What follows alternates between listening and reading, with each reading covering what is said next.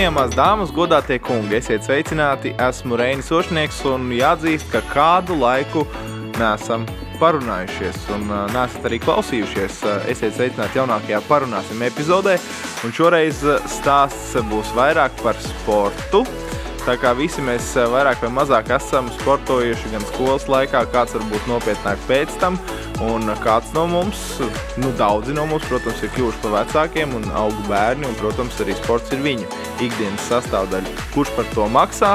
Protams, ka mamma vai tētis, vai abi kopā no ģimenes budžeta, bet katrā gadījumā uh, tie ir izdevumi, kas saistīti ar sportu, sporta inventāru un tā tālāk. Bet katrs mēs nonākam līdz kādai sporta skolai vai sporta pulciņiem, un uh, jautājums ir, cik mēs par to maksājam, par ko mēs maksājam. Un, uh, tas būs tēmas, par ko mēs runāsim šodien, jo Latvijas televīzijā sāksies jauna sociāla kampaņa Bērnu sporta uzrēķini. Un tieši tāpēc šodien man būs saruna ar diviem sporta redakcijas kolēģiem, Raimonu Drudzātu un Uģi Jokstu. Vai mēs pārmaksājam par jauniešu sportu, par ko mēs īsti maksājam, tas būs galvenās tēmas. Un, protams, uzzināsim arī to, kā tad gan Uģis, gan Raimons ir sportojuši paši. Lai forši klausīšanās! Un lieciet aiz auss, ja jums rodas kādi jautājumi vai komentāri par pieredzēto ar jūsu bērniem. Uģis Jokts jūs noteikti uzklausīs.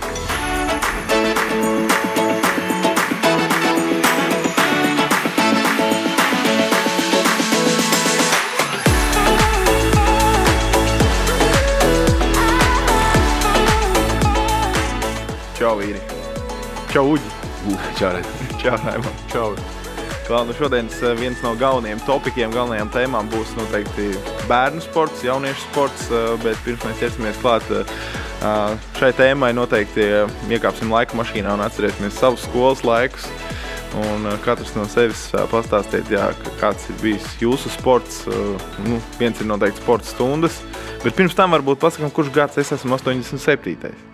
Uģi? Wow, man ir 75. Es jaunākais, 93. 93. Nopietni. Nu, sākam ar pieredzējušāko noteikti. Jā. Man bija ļoti foršas sporta stundas, mācījos CS pirmajā vidusskolā. Mm, es atceros, ka um, man viss bija ļoti labs sports. Es visam tiku līdzi, bet es biju nenormāli īsts augumā. Es tajā ierindā, kas bija jāstājas, bija pats pats pēdējais.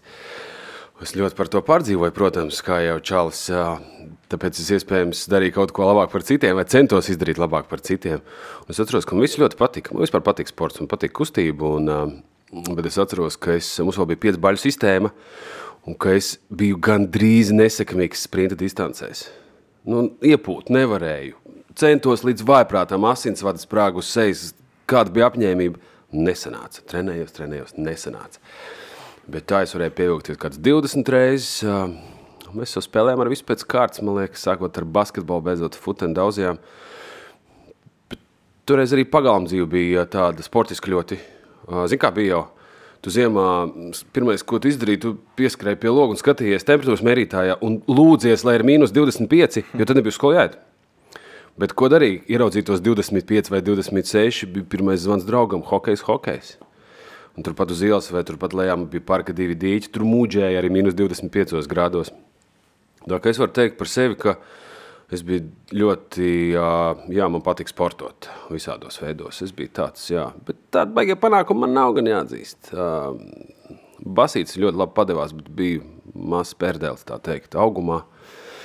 Un tad, kad izaugu nu, līdz kaut kādam normālam 1,80 m, tad jau tad bija citas intereses un citi sporti. Un, un kaut kā tā. Nu, tāda man tā īsais pa diagonāli.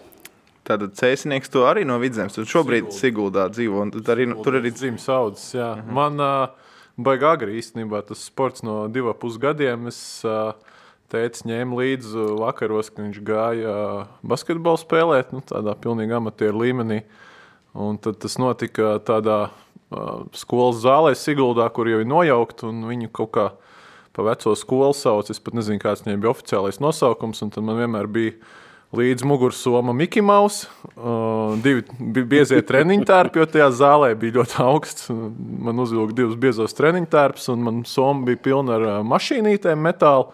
Un tad tās es tur stumdīju pa soli un pa sienām. Un, un, kad ļoti augsts palika, kāda aplīta apskrēja un, un pa matračiem ņēmos. Tad lēnā garā arī to basketbolu bumbu sāku valdīt. Un, un pa lielam, jā, visu bērnību ar basketbola bijusi saistīta un, un pieaugušā dzīve viss ar, ar regbiju, bet nu, basketbolu arī vēl pavasarām spēlēja tādā streetbola līmenī ļoti aktīvi. Un, un regbija Latvijas čempionātā tas tāds profilējošais sports šobrīd. Jā, man. Es ļoti atvainojos par laika mašīnu. Kāpēc Mikls Mausis? Es arī domāju, 95. Tu saki, divi pusgadi, 95. Nu, es nezinu, man vienkārši nu, tāda bija nopirkuši toreiz, vecāki. Jā, nu. toreiz varēja dabūt, mēs neatceros savā bērnu. Nē, mamma, mamma brauc tajos laikos komandējumos, bet man liekas, ka tas ir no ārzemēm vests. Jā. Tu jau biji iedomājies ar Mikls O, Mausu. jau. to Tur jau nevarēja neņemt tur pat līdzi. lielie amatieri, tēta, komandas biedri noteikti skatījās to. Bet tu man nosūtīji līdzīgas sajūtas, jo man teica, Mākslas akadēmijā studēja. un Tad uh, man arī ņēma līdzi vakaros uh, ar brāli. uh, Mākslas akadēmijas zālītē mēs līdzīgi arī tur vai ar savām mašīnītēm vai, vai pildbumbām, kas tur bija kaut ko pa matračiem lēkājām. Tas sports ir bijis kaut kur blakus. Bet, uh, Ok, viens ir skolas sports, uh, bet kurā brīdī jūs varbūt uh, pēc skolas, nevis varbūt konkrēti tikai ar draugiem futbolu uzspēlēt vai hokeju ziemā, bet nu, tā konkrēti gājāt un trenējāties kādā sporta pulciņā vai sporta skolā? Es pat vidusskolā biju tajā saucamajā B klasē. A klase bija mākslinieki, B klase bija sportisti. Jo meitenes, vien, visas meitenes trenējās vieglietkā un visas čergājas basketbolu. Tas bija tād, tāds eksperiments. Es nezinu, cik viņš tur veiksmīgi sākās vai beidzās, un kāda tam bija baigā jēga. Bet tiešām mēs sākotnēji visi ceļi arī gājām uz basketbolu sporta skolu. Pīns Petersons, treneris. Es vēl atceros, ieslēdzās mums arī leģendārais treneris Kisiļovs, kurš joprojām trenē, kurš ir mm, kurucu vecais tēvs. Tev saistība ar NBA? Jā, man ir vistiešāk. un, tā, tā mēs to spēlējām. Jā, un es atceros ar diezgan lieliem panākumiem patiesībā.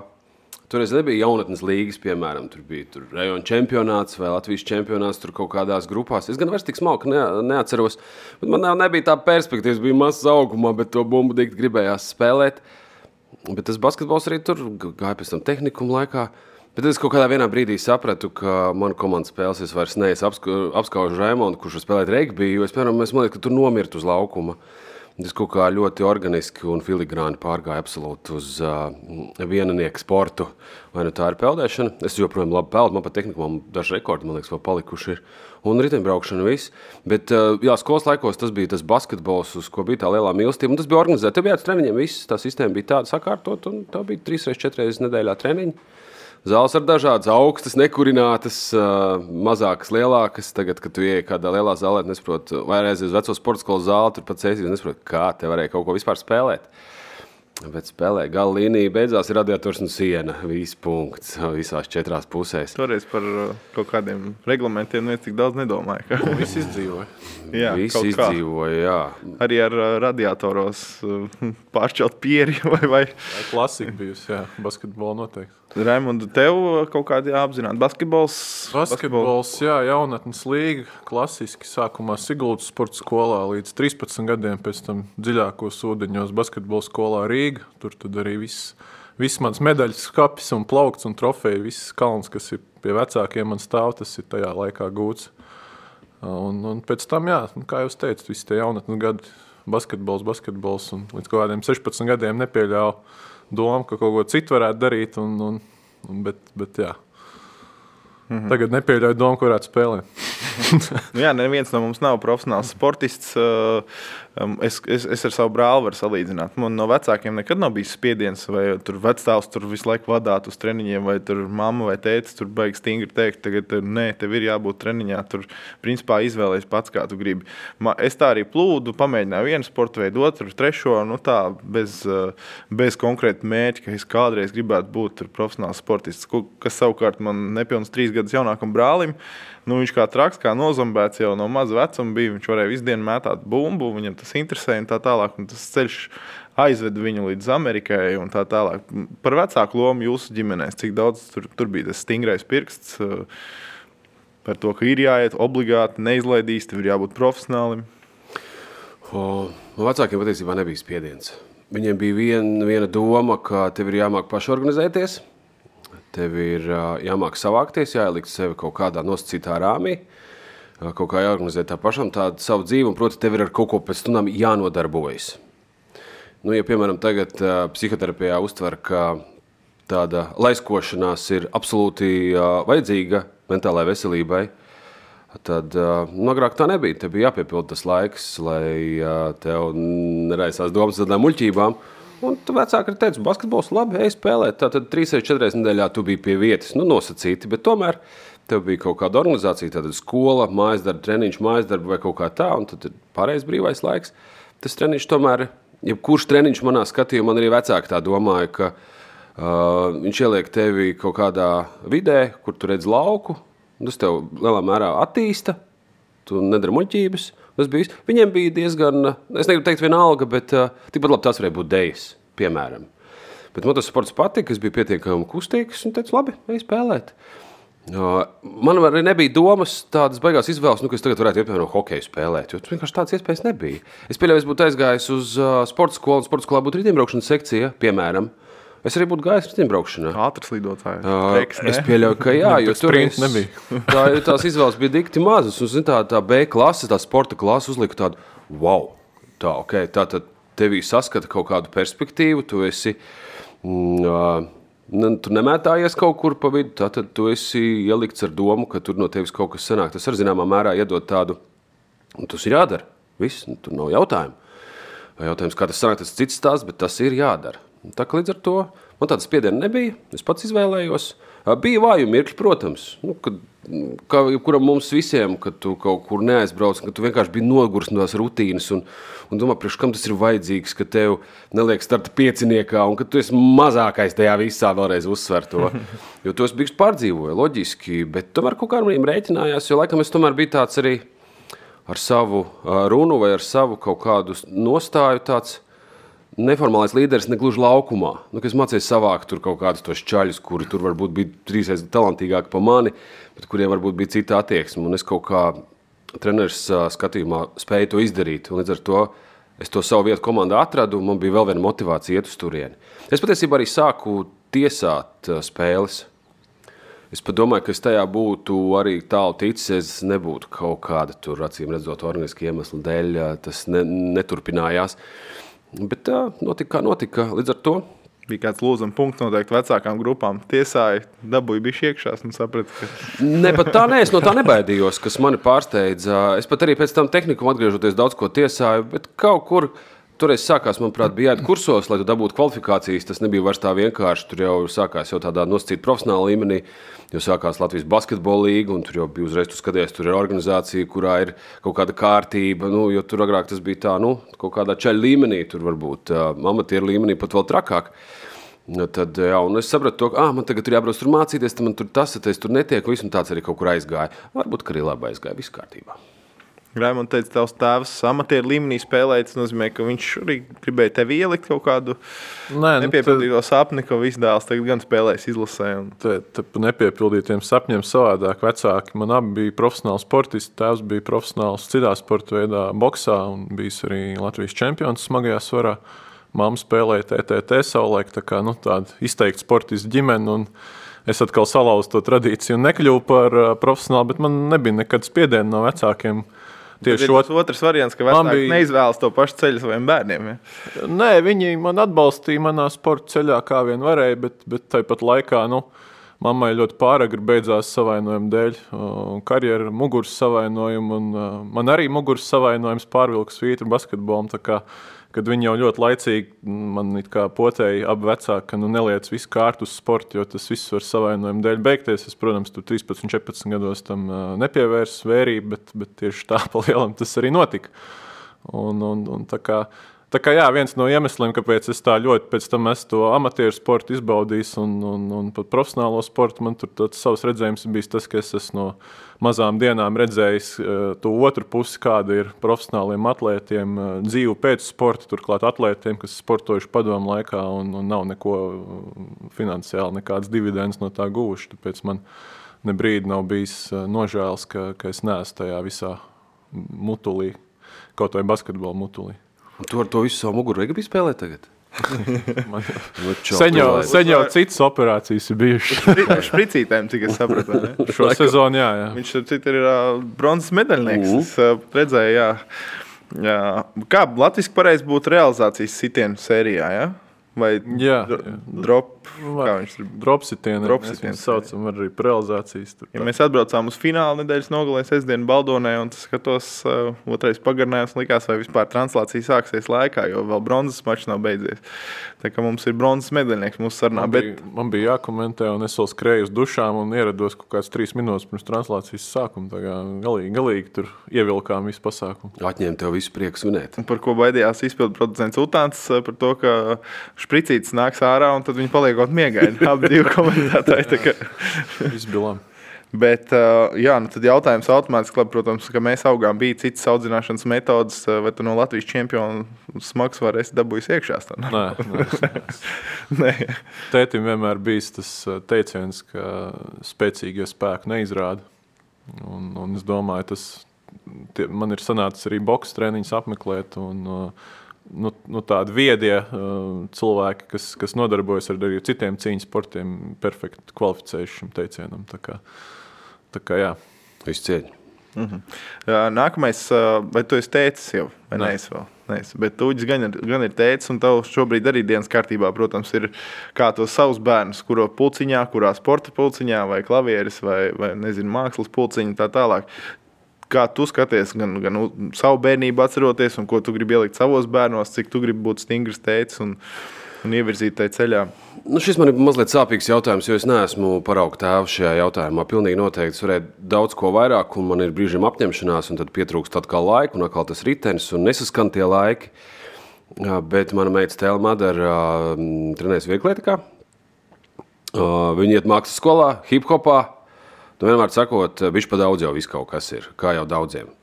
Bet vieglietikā viņai ir kaut kāda perspektīva. Protams, bišķi ir jāpieskata, lai tie treniņi tiek apmeklēti un visādi citādi. Ir sevišķi šajā laikā, kad ā, daudz kur neskaidrība var, nevar, ko mēs darām, kā mēs rīkojamies, vai mēs mainām treniņu plānus, vai mēs treniņu laikus. Mm, Gustavs Hugo dēls, kuram ir 17 gadi, tas arī ir vieglietikā. Jo viņam galīgi nepadevās komandas sporta veidi. Viņš gāja futbolā vienā brīdī. Nu, viņam negāja ar to komandu visādi citādi. Es prasu treniņam, kāpēc viņš ir laukumā. Viņš vienīgais saprot futbolu. viņš varbūt nevar uzspēlēt. Bet, eh, bet, tad es arī saviem bērniem sapratu, ka, ja man Gustavs Hugo trīsreiz saka, ka viņš nevar aiziet uz basketbolu vai uz uh, futbolu, tad viņš arī saka, ka es kaut ko gribu darīt viens. Nu, tad uh, man nebija pilnīgi nekādu uh, iebildumu. Viņš iet uz vieglietību, piemēram, jo mums paveicies ar treneriem, piemēram, Stelē Madrai Sandra Krūmu. Tas bija pirmais, ko es patiesībā skatījos. Skatījos, pie kā, kādās rokās mana bērna nonāks. Man pat nebija svarīgi, tur var būt sporta veids. Bet galvenais, lai viņiem patīk, un lai galvenais, ka treneri ir labi. Jo tas treneris var to bērnu izmīcīt, kā viņš patiesībā grib pēc idejas. Un, ā, ja tas ir labs treneris, tad, um, tad viņš nedos. Man pat nebija svarīgi, lai viņi būtu čempioni. Ir svarīgi, lai viņiem ir laba fiziskā sagatavotība. Tas ir viens. Otrs, lai viņam ir fiziskā veselība, kas manā skatījumā ir pats pats svarīgākais, lai tas bērns tajā vecumā viņam ir uh, simetrijas, taisnas muguras, uh, normāli attīstīti muskuļi, uh, normāli attīstīts uh, elpošana, normāli attīstīta sirdsdarbība. Un, Tiesībā man īsti vairāk arī neko nevajag šajā laikā. Protams, sporta skola liek arī uh, kaut kādas sacensības, kas ir normāli savā ziņā ka tev kaut kas tev ir jāizdara, tomēr, lai tu varētu kaut vai izaugsmē, vai salīdzināt savus spēkus, vai arī saprast kaut kādas jaunas citas emocijas. Bet man ar to pievērtēšanu klibo, teikšu godīgi. Pie leduskapa nav. Re Jā. rekorda ģimenes. Nu, jā, tagad jau 100 Vācijā metru viss ir. Un, jā, tur arī man nav. Es pieļauju, ka man vajadzētu vairāk, lai gan no otras puses viņi ir apmierināti ar to, kas notiek. Es- varbūt vairāk tomēr. Uh, manā skatījumā sports audzina raksturu. Ka tev ir jāpiespiežās, tev ir jāizdara darbiņš līdz galam, tev ir uh, kaut kādos brīžos jāpārvar sevi, jāsarunā ar sevi, izdarīt līdz galam. Un sports ir, manuprāt, ideāls instruments šim notikumam. Un es pats to, varbūt tā ir mana pieredze, tāpēc es tā domāju, bet es uzskatu, ka, ka arī tas maniem bērniem varētu noderēt. Un līdz ar to varbūt tur ir tā mana loma vairāk viņiem palīdzēt, vairāk dabūt to jauno sajūtu, to pārvarēt, to kaut kādā, es gribu teikt, iespējams, varbūt muļķīgs salīdzinājums, bet iet kaut kādā nākamajā līmenī. Uh, Un tad kaut, kad, kaut kāds augsts sasniegums, varbūt par to vispār nedomāju. Jo viņiem tā noslodze ir tik liela šobrīd, un viņi ir apmierināti ar dzīvi. Es biju šis pazaudējies, atzīšos šajā laikā. Es neslēpšu, un es nespēju tam izsekot visam līdzi. Un, nu, bet es, jā, ik pa brīdim man uznāk tāda uzplaiksnība, ka vajadzētu tā saņemties. Un es kaut ko arī izdaru, bet tad atkal kaut kādā pašplūsmā. Bet visā visumā. Kā lai to visu tagad nobeidz? Nobeidz ar to, ka tu ļauj šobrīd uh, atrast katram noteikti to savu, kas viņam patīk. Nenomoki, ja nav tā, ka atnāk mājās teikt, jā, es ļauju, jā, katram, kamēr tas bērnam sagādā prieku, viņam tas patīk, un tur ir kaut kāda zināma izaugsme. Bet ir bijuši tādi lūzuma punkti, kad pasaka, nu viss, nu nē. Man... Jā, un zini, man tie lūzuma punkti ir vienmēr patikuši, jo šim lūzuma punktam ir bijis paskaidrojums, ir visa kā pa daudz. Skola, mākslas skola, tautas dēļas, vēl kaut kā pa daudz, tad ko darām, kā darām. Es neesmu piļu būvētājs. Es saprotu, ka diennaktī ir 24 stundas. Vienkārši, tieši tik vienkārši. Un es saprotu, ka tiešām es redzu, ka bērni atnāk ziliem riņķiem. Jo, manuprāt, viens, kas ir, mums ir kā vecākiem, ir jāsaprot. Mums vajag bērnu paslavēt par lietām, un otrs, kas, manuprāt, ir vēl svarīgāk, ļaut bērnam izgulēties. Es atvainojos. Godvārds tieši tik vienkārši. Jo, ja bērns nav izgulējies, tad tur aiziet tālāk pa ķēdi, viss kaut kas. Viņš reāli mazliet atpūties. Nevajag loderu laist, bet izgulēties. Protams, tur ir atkal ekrāna jautājums, cik daudz viņa ekrānos pavadīja un kad viņa aiziet gulēt un kā viņa guļ. Bet, ja tas jau kļūst par daudz, tad arī šie lūzuma punkti man nesagādā nekādas problēmas. Tad mēs izspriežam, ko mēs darām tālāk, kā mēs, no kā mēs atsakāmies vai kā mēs organizējamies tālāk. Un, jā. Bet es bērniem esmu pateicis, mēs varam izdarīt jebko, bet es jums neļaušu pamest sportu. Kādā līmenī tas ir cits stāsts, bet iepriekš manis teiktie par, par raksturu, par, par elementāru fizisko veselību un fizisko attīstību Nu, es tajā es esmu gājis tam visam cauri pats uz savas ādas. Man ir drīz būs 50, un man ir diezgan laba veselība. Un patiesībā es domāju, un esmu pārliecināts, ka pateicoties tikai un vienīgi mērķtiecīgam, pārdomātam sportam, bez pārspīlējumiem. Un es pie šī viedokļa palieku, ok, tas ir mans melns un balts. Bet tā es domāju, un es neuzspiežu bērniem, bet es tā kaut kā tā visu laiku saku, ka mēs varam izdarīt visu, bet vai uz treniņu jāaiziet. Ir. Mēs varam varbūt neizdarīt tur kaut ko vairāk, bet mums sanitārais minimums ir jāizdara. Vai tas mums izdodas cits jautājums, bet es pie tā jā, palieku un, un gribētu palikt vēl, kamēr man ir kaut kāda jēla, mazliet, nu, nosauksim to par kontroli vai par dialogu ar saviem bērniem. Ietekmi. Arī jā, maz ietekmi, jā, veselīgi ietekmi. Jā, es nesen runāju ar Anastasiju Grigorjevu, kur arī teica, ka um, principā pateicoties viņas trenerei, kas reāli piespieda kaut kādos brīžos. Viņa saka, tagad es esmu ļoti pateicīga, lai arī toreiz es galīgi man nelikās tā. Tad vienkārši es tā domāju, domājot par to bērnu izaugsmi un, un ceļu. Un, tad tur ir baigi filigrāni jāsaprot, nu, vai tu redzi viņā, tur tiešām ir nenormāls talants, un kad būs jāpiespiež kādā brīdī, tur, vai, vai cik daudz nav varbūt uh, sabojāt šādu stāstu, ka tev vecāks spiež un domā, kas tu būsi, un tā tālāk. Nu, tavā vietā varbūt domā. Nu, labi, tas ir katrs individuāls stāsts, bet uh, par uh, jauno kampaņu, kas ir startējusi Latvijas televīzijā, to var saukt par kampaņu vai projektu. Gan, gan droši vien. Jā. Bērnu sporta uzrēķina. Sociāls tā. projekts. Jā. Sociāls projekts, jā, varbūt uh, kā radās tā ideja. Un īsumā par projektu, tie, kas nav jā. dzirdējuši.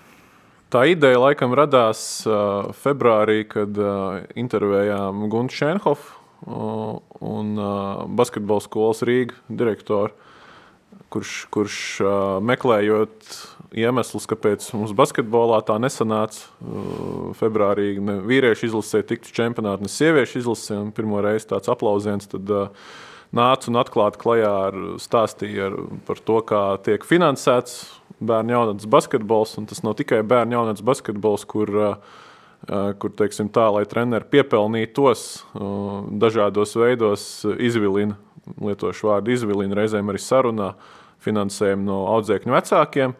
Un tā sistēma ir tāda nu, slidena, un Šenhofs arī kameras priekšā lietu apzīmējumu, ka balansē uz krimināla likuma pārkāpumu robežas. Un, protams, ir interpretācijas, nu, kāpēc tas tā ir un, un, un vai kādu var attaisnot. Viņš saka, ka valsts pārāk mazas algas maksā, nepildu pedagogiem dotos solījumus, tāpēc treneri ir spiesti šo jautājumu risināt radoši, bet nu, no otras puses var teikt, nu, ja ceļu policistam maksā mazas algas, vai tas attaisno no kukuļu ņemšanas, neataisno. Un katrā ziņā ir daudz iesaistītās puses, un tāds kārtīgs muģeklis tajā bērnu sporta finansēšanā šobrīd ir vērojams, bet galveno atslēgas lomu spēlē vecāki. Vecāki, kuri brīžiem pārmaksā un brīžiem maksā divreiz par savu bērnu sporta apgūvu. Tas kampaņas mērķis ir izgaismot šos stāstus, šo praksi, izgaismot un, un piedāvāt arī priekšlikumus, lai to visu darītu racionālāk un pirmkārt jau godīgāk pret, pret audzēkņu vecākiem. Jo, ļoti liela daļa iespējams ir gatava arī maksāt vairāk, bet darīt to nu, caurspīdīgāk, pārskatāmāk. Nevis kā nu, tādi populārie piemēri ir Latvijas jaunatnes sportā. Brauksim turnīrā uz Poliju, vecāki sametam naudu autobusam, 40 eiro no katra. Īstenībā autobuss ir bijis jau iebudžetēts šim braucienam, to ir piešķīrusi pašvaldība. Tas viss pat taisno aiziet trenerim vai, vai piemēram, uh, sametam naudu, mums jānopērk tāds un šitāds inventārs. Federācija to jau ir piešķīrusi. Un, un vecākais nezināšanas, labticīgi piemet, piemet, piemet, un beigās tas aiziet uh, ne tur, kur bija teikts, ka tas aiziet. Bet varbūt viņi būtu gatavi piemest tāpat tikai, tikai ar pārskaitījumu un, un tiešām varbūt konkrēti treneru atalgojumu celšanai. Tā kā, tāds tas, tas sākums stāsts, un, un tagad ķersimies, vērsim pie ragiem. Ir jau kāda šokējoša stāsta no vecākiem, kas saka, visu šo sporta skolu pametu. Tāpēc, ka es tagad es Nē, sapratu, tā, kā tas strādā. Pamet, mums vēl nav trāpījies. Uh, Uģim vakar bija interesanti uh, saruna ar vienu no šādiem vecākiem, ka, kam abi bērni ir vienā basketbola skolā un, un pa, pa vienam pa kaut kādiem līdzīgām lietām prasa maksāt, klāt otram nē. Uh, Bet, bet vecāku lielais vairākums ir gatavi pievērt acis un pat neiedziļināties, lai tik nu, viņa bērns sporto. Tas ir vecākiem galvenais. Viņi arī labi apzinās, ka nav jau nekur tās alternatīvas citur sūtīt, kur būs tā pieeja radikāli nu, citādāk. Tā kā vecāki pa lielam norīd šo grupu.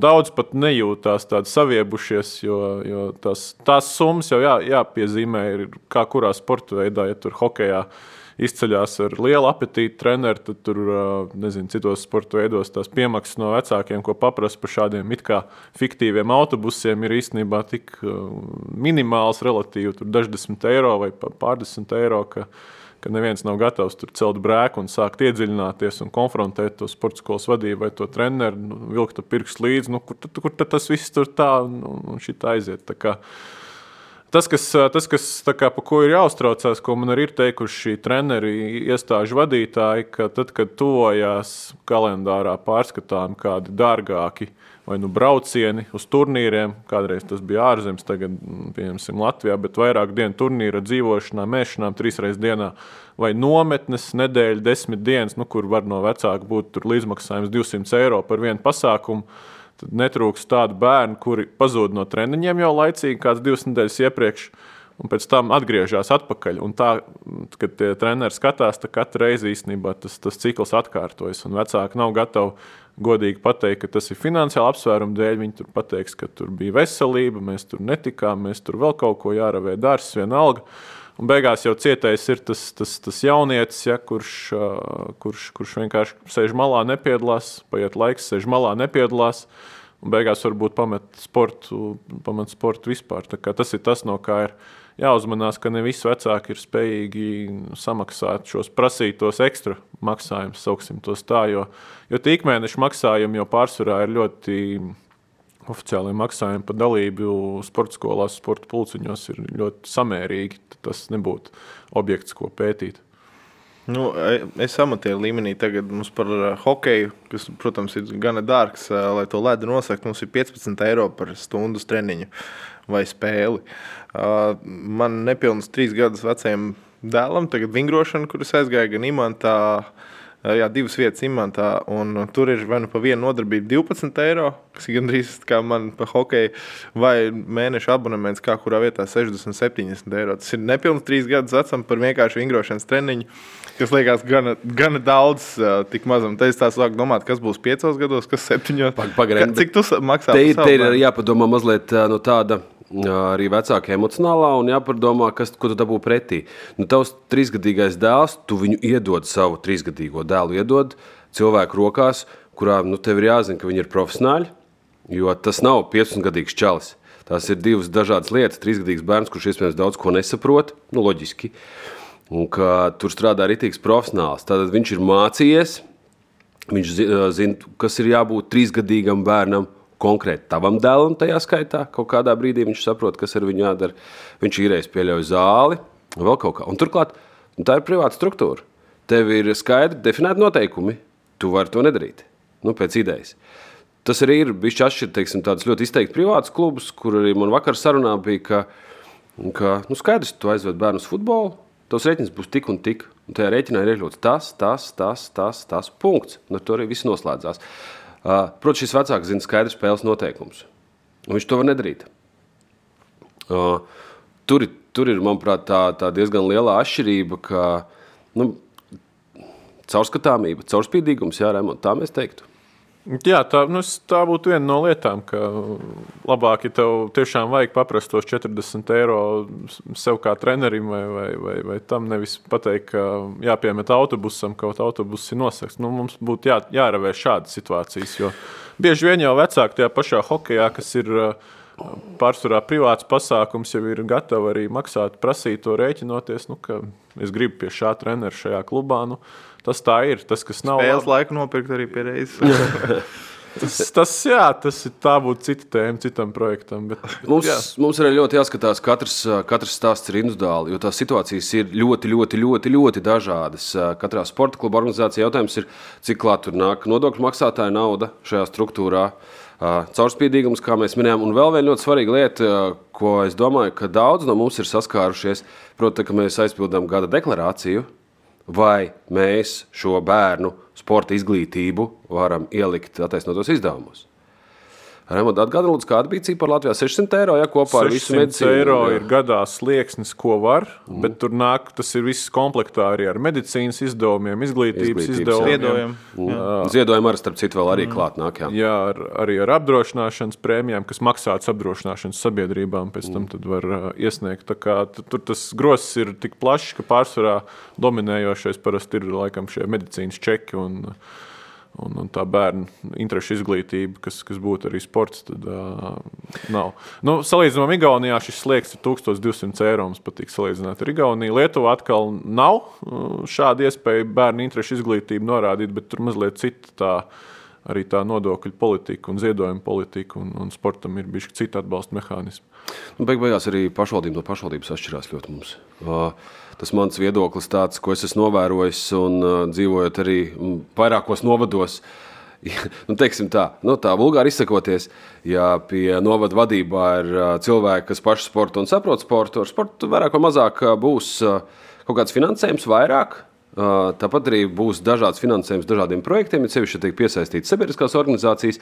Un, ja pašvaldībā ir ļoti labs cilvēks, kurš organizē sportu, kā tādu, kā sporta dzīvi, sākot no amatieru, beidzot ar, ar sporta skolu, un varbūt iespējams pat arī kaut kādas lietas iesaistās, kur ir augsts sasniegums sports, tad līdz ar to tur tās iespējas būs daudz lielākas. Ja vadībā ir tie, kas dzied un dejo, kas arī nav slikti, tad, nu, tad tā, pagaidām, mums ir tagad nu, citas prioritātes. Jūs tur stāvat bišķīt tur, tur pie ratiem. Bet jautājums jau atkal izšķir, cik ir tie cilvēki, kas spēj pacelt balsis, radīt idejas, rīkoties. Vecais labais teiciens, nodrāstais. Tagad tādu vairs nelietoju, jo kadri nesot labs vārds, viss ir kadri. Bet tavā gadījumā tev ir konkrēta pieredze, no liela pieredze. Uh, gan ar meitu, gan dēlu. Tu, tur maksā treniņš tik, tur tik, tur tādā. Nezinu, vai tā ir viegla atletika vai futbols, tur cik daudz atšķīrās, cik daudz vispār pats sekoja līdz tam, vai arī, nu kā, visu, visu vecāku maksā 30 eiro mēnesī, nu tad uh, maksājam. Jā, es Vai tu prasīji čekus, lai e, nē, man sūta rēķinus, ko es arī lūdzu obligāti, lai es redzu, uz kāda pamata, kāpēc. Uh, tur tiek uzskatīts arī nodarbības. Nu, tur tie, no, tie līgums ir katram atšķirās. Bet es zinu, ko es līgumu esmu parakstījis un kā tas varētu būt. Protams, man tur ir daži jautājumi par, nu, laikam tas tā kā nebija tā, tur vajadzēja būt mazāk, vai pat dažreiz vairāk vajadzēja būt, nekā es biju domājis. Bet man tas ir bijis vienmēr pakārtoti dzīvē, jo es galvenokārt skaties, vai tie bērni ir apmierināti. Vai tas komplekts, ko man piedāvā par, šo, par šiem eiro, nu, tas ir tāds, ka viņi ir apmierināti un ir progress un ir attīstība tam notikumam visam. Tas man bija primārais. Tā kā es nebūšu labākais paraugs. Jo man ir, nu, paldies Dievam, es neesmu tas cilvēks, kuram, nu, kur, kur es, nu, nu, kā lai saka, man tā rocība ir, teiksim tā. Jā, bet es arī uh, redzu, piemēram, kur, tie, kur ir uh, vecāki vai vecāks viens, kur ir vairāki bērni, ka viņi skatās un prasa, kāpēc ir, tas ir tā. Un bieži vien mēs nonākam pie situācijas, ka mēs pat arī faktiski esam ierosinājuši, tas gan ir tāds var uz sportu, bet tas arī attieksies uz sportu, ka mēs kā citi vecāki Loģiski, ka mēs sametīsim naudu tam puisim vai meitenei, tam autobusam uz braucienu uz kaut kurieni, lai viņš nepaliek, kā Raimons teica, divas nedēļas vairs nenāk uz treniņiem, jo viņi labi saprot, ka viņi nevar samaksāt vecāku par to. Un tur gan vajadzētu pašvaldībai bišķi pieslēgties, ka ir kaut kādas lietas, ko mēs samaksājam par, par ģimenēm, kuras varbūt netiek līdz tam neobligātajai programmai. Gadījumi ir bijuši? Obligātajai. Uh, ir. Un mēs esam veiksmīgi ar to tikuši galā. Es, tas bija stāsts, ka es negribēju ne ar vienu iet tur kašķēties un skaidroties, kāpēc tas ir tā. Mēs ar lielāko daļu vecākiem nospriedām, ka mēs tā rīkosimies. Un mēs arī nu, tā izdarījām, un viss ir labi. Bet man tie rēķini manā gadījumā ir saprotami. Es viņus arī maksāju. Protams, vai jautājums ir, vai tas tam līdzmaksājumam vispār pēc definīcijas nevajadzētu būt mazākam kā nodokļu maksātājiem. Tomēr. Bet pašvaldība arī šie rēķini katru gadu mainās. Acīm redzot, tiek paskaidrots, ka šogad mēs varam tā, no pašvaldības viedokļa, bet nu, pagājušajā gadā mēs varējām tā, šogad mēs varam tā, nu savādāk mazliet. Bet man tas ir vairāk vai mazāk saprotams. Ok, es dzīvoju Ādažos, nu, viens no bagātākajiem novadiem Latvijā pēc idejas. Uh, Un es iespējams to patieso situāciju. Tāpēc, ka tu tur nodokļus maksā. Patiesībā es varbūt to nestartu. Es atklāšu, es esmu deklarēts līgatnē. Es maksāju nodokļus līgatnē, nu, savu ienākumu nodokļu daļu. Bet, uh, bet es dzīvoju, man nu, tur pieder nekustamības īpašums, tā ka es tur ražoju to ekonomiku savā ziņā. Bet tas, ka, ka es pieļauju, ka citos nodos ir daudz savādāk. Un, uh, Mēs, saka, mēs vakar arī spriedām par to, ka nu, panākt to izlīdzinājumu, to līmeni, nu, ka, lai, lai tās iespējas sportot, uh, lai kas tas būtu. Ok, mēs nerunājam par autorāliju šajā gadījumā, es ļoti atvainojos. Es iespējams, ka pat nerunājam par hokeju, bet ja mēs runājam par elementāru fizisku, pārdomātu kustību, kas sagādā prieku, rūpējas par to veselību, lai tas būtu visiem pieejams un izlīdzināts. Un tam nevajadzētu vecākam domāt par to, vai es varu atļauties to līdzmaksājumu vai nevaru atļauties to līdzmaksājumu. Tas, manuprāt, būtu tas virsmērķis, ko vajadzētu mums visiem kopā panākt. Jo mēs nu, tādā veidā, nu, kā nu, šie bērni, viņi iet skolā, tas ir labi. To mēs saprotam, ka viņi iet skolā, ka viņiem ir jāmācās. Bet viņiem ir arī jābūt veseliem, lai viņi varētu mācīties, lai viņiem jābūt labi jājūtas, lai viņi varētu mācīties. Un manā skatījumā, un es domāju, ka daudz man pievienosies, sports ir viens no veidiem, kā bērnu, nu, lai viņš labi jūtās. Arī, arī tā skaitā mentāli un fiziski, lai viņš var izdarīt pārējās lietas. Un to kustību caur to prieku var sagādāt, un tad, tad, tad tas būtu tas mūsu virsmērķis. Klāt par šo kampaņu, kā jau tika sarunas laikā izlaica, ir daudz dažādas šķautnes šai tēmai. Dažādas pašvaldības sporta skolas, individuālais vai, vai komandas sports un tā tālāk. Cik liela komanda un kādas ir katra jūsu lomas, varbūt, kurš, kurš konkrēts lietas pēta, kā to vispār to pat negribētu saukt astoņkājas. Es domāju, ka tur ir daudz kājas šeit. Astoņkājas tur ar šleseru saistās politisko darbību, ko citi izdomās. Uh, pietiekami liela komanda esam, un nu, Uģis ir mūsu kampaņas seja un, un gādīgais vecāku uzklausītājs, kuram nāks un kratīs sirdi un jau krata sirdi. Uh, vecāki par, eh, par, par eh, saviem piemēriem. Kur karstais telefons kaut kāds?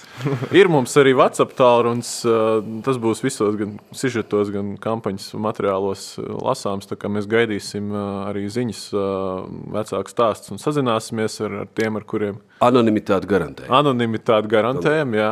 Pirmo interviju ar mēs filmējām anonīmu. Un, un tā, tā kā Uģis ir mūsu uzklausītājs, ir Juris Valdovskis, tāds mūsu juridiskās līnijas noturētājs un sadarbībā ar uh, advokātu birojas Rainen. Mēs arī gan pētām citu valstu praksi, gan uh, Latvijā esošos normatīvos aktus attiecībā uz sportu, gan nāksim kampaņas beigās arī klajā ar reāliem priekšlikumiem, kā darīt labāk, racionālāk, tā lai katrs uh, sportojošo bērnu vecāks arī jūt, nu, ka ir ir variants, kā, kā, kā viņš var mazināt šīs savas izmaksas sportā. Tas droši vien būs saistīts ar nodokļu politiku, iespējams arī ar šiem attaisnotiem izdevumiem, iespējams ar, arī ar PVN likmēm sporta organizācijām. Tā kā, Tā kā tā, nu mēs ar Andrauziņu vairāk par sporta apcirkņiem, gan reakcijas vāksim kopā, gan sporta federācijas, gan trenerus, gan, gan tos stāstus iemūžināsim un, un maisīsimies. Uh, tajā sulā un, attiecīgi, arī pārējais televīzijas resursus, kad, kad, kad jutīs, ka ir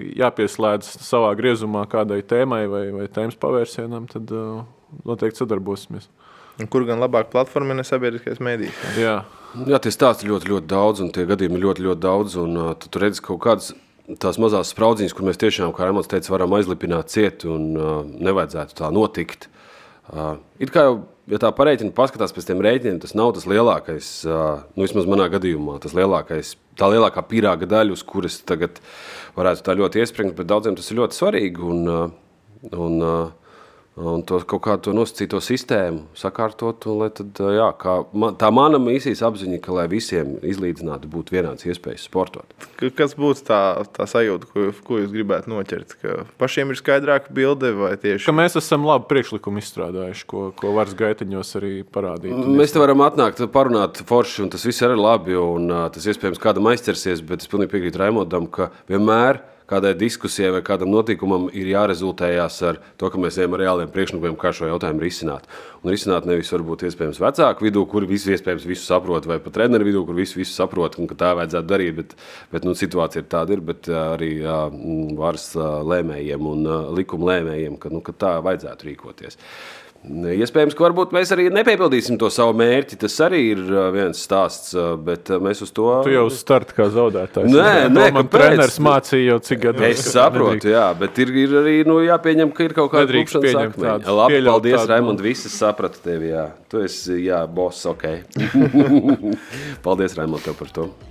Nu, protams, es, es piekrītu Raimondam, bet, bet es saprotu arī tevi. Tāpēc, ka, nu, zinot to, vispār, es nezinu, paņem, paņem vienu pašvaldību, un tu jau ej cauri dažādiem sporta veidiem, sapratīs, cik tur ir dažādi zemūdens akmeņi, ko darīt, kā darīt. Un, protams, bet... ideālā gadījumā vienmēr ir jebkurš process, jo tu dabū etalonu. Kā tas, kā tas izskatās, un ka nevis tu viens uzskati to, ka tas ir etalons un ka tas labi strādā, bet ka to kaut kāds kopums atzīst par, par ļoti labu modeli un ka tu principā tam līdzinies.